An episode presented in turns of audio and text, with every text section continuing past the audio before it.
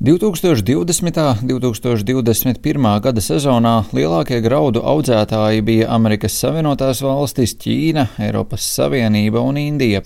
Ukraina pieciniekā neiekļūst, tomēr eksporta ziņā tā bija ceturtā lielākā graudu eksportētāja pasaulē.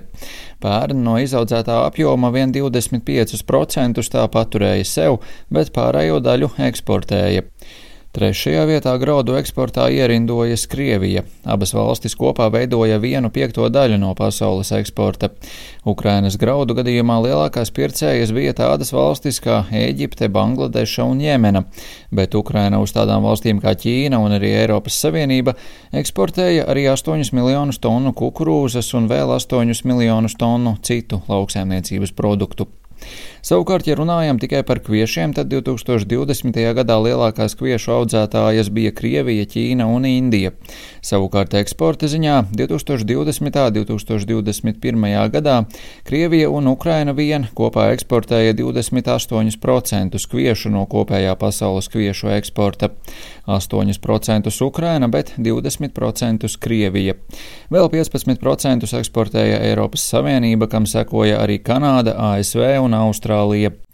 ANO pārtikas un lauksaimniecības organizācijas galvenais ekonomists Maksimo Torero skaidro Ukrainas un Krievijas nozīmi tirgū. Gandrīz 50 valstis ir atkarīgas no Krievijas federācijas un Ukrainas, importējot vismaz 30% kviešu. No šīm 50 valstīm vismaz 36 valstīs vairāk nekā puse kviešu tiek importēta no šīm divām valstīm. Ukrainas lauksaimniecības sektors ir svarīgs labības avots pasaules tirgos, īpaši tuvajos austrumos un Āfrikā, kur situācija ap pārtikas nodrošinājumu ir sevišķi saspringta. Ukraina, kas dēvēta arī par Eiropas maizes klēti, ir viens no galvenajiem labības audzēšanas reģioniem pasaulē. Ukraina ir svarīga kviešu, miežu, kukurūzas un citu graudaugu eksportētāja, kā arī nodrošinājusi apmēram pusi no visas saules puķu eļļas globālajos tirgos. Krievijas īstenotā Ukrainas ostu bloķēšana un apšaudīšana, liedzot labības eksportu, miljoniem cilvēku pakļāva bada riskam, un tas ir aktuāli joprojām, lai gan eksports no Ukrainas ostām ir iekustējies. Krievijas darbību dēļ kāpušas arī pārtikas cenas.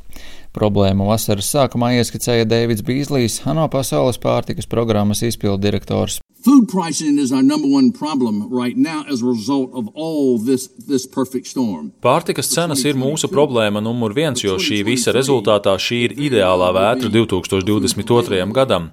Taču arī 2023. gadā ļoti iespējams pārtikas pieejamība būs problēma, kad tāda valsts kā Ukraina, kas audzē pietiekami daudz pārtikas 400 miljoniem cilvēku, tiek izņemta no tirgus, tas rada tirgus nestabilitāti, ko mēs tagad novērojam.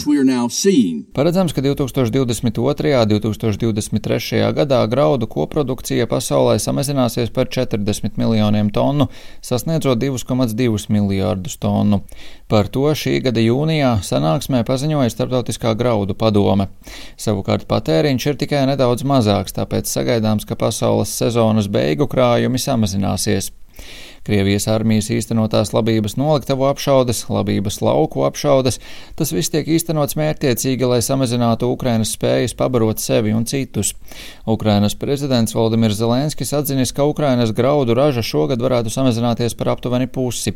Savukārt Ukrainas premjerministrs Denis Šmihals izteicies, ka graudu un eļļas augu sēklu raža šogad sasniegs 65 līdz 70 miljonus tonu, kas ir aptuveni 70% no 2020. 2021. gada ražas.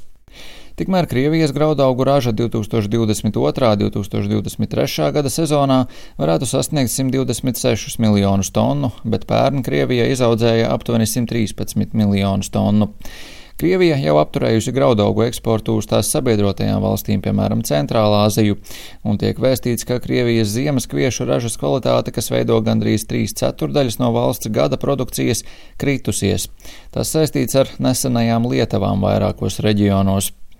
Vienlaikus ir skaidrs, ka Ukrainā runa ir ne tikai par cilvēku pabarošanu pašmājās un ārpus robežām, labības eksports ir arī ienākumu avots. Premjers vēl pirms graudaugu eksporta atsākšanas šovasar atzina, ka jautājums par jūras ostu atbloķēšanu Ukrainas ekonomikai ir miljārdu dolāru problēma. Rihards Plūme, Latvijas radio.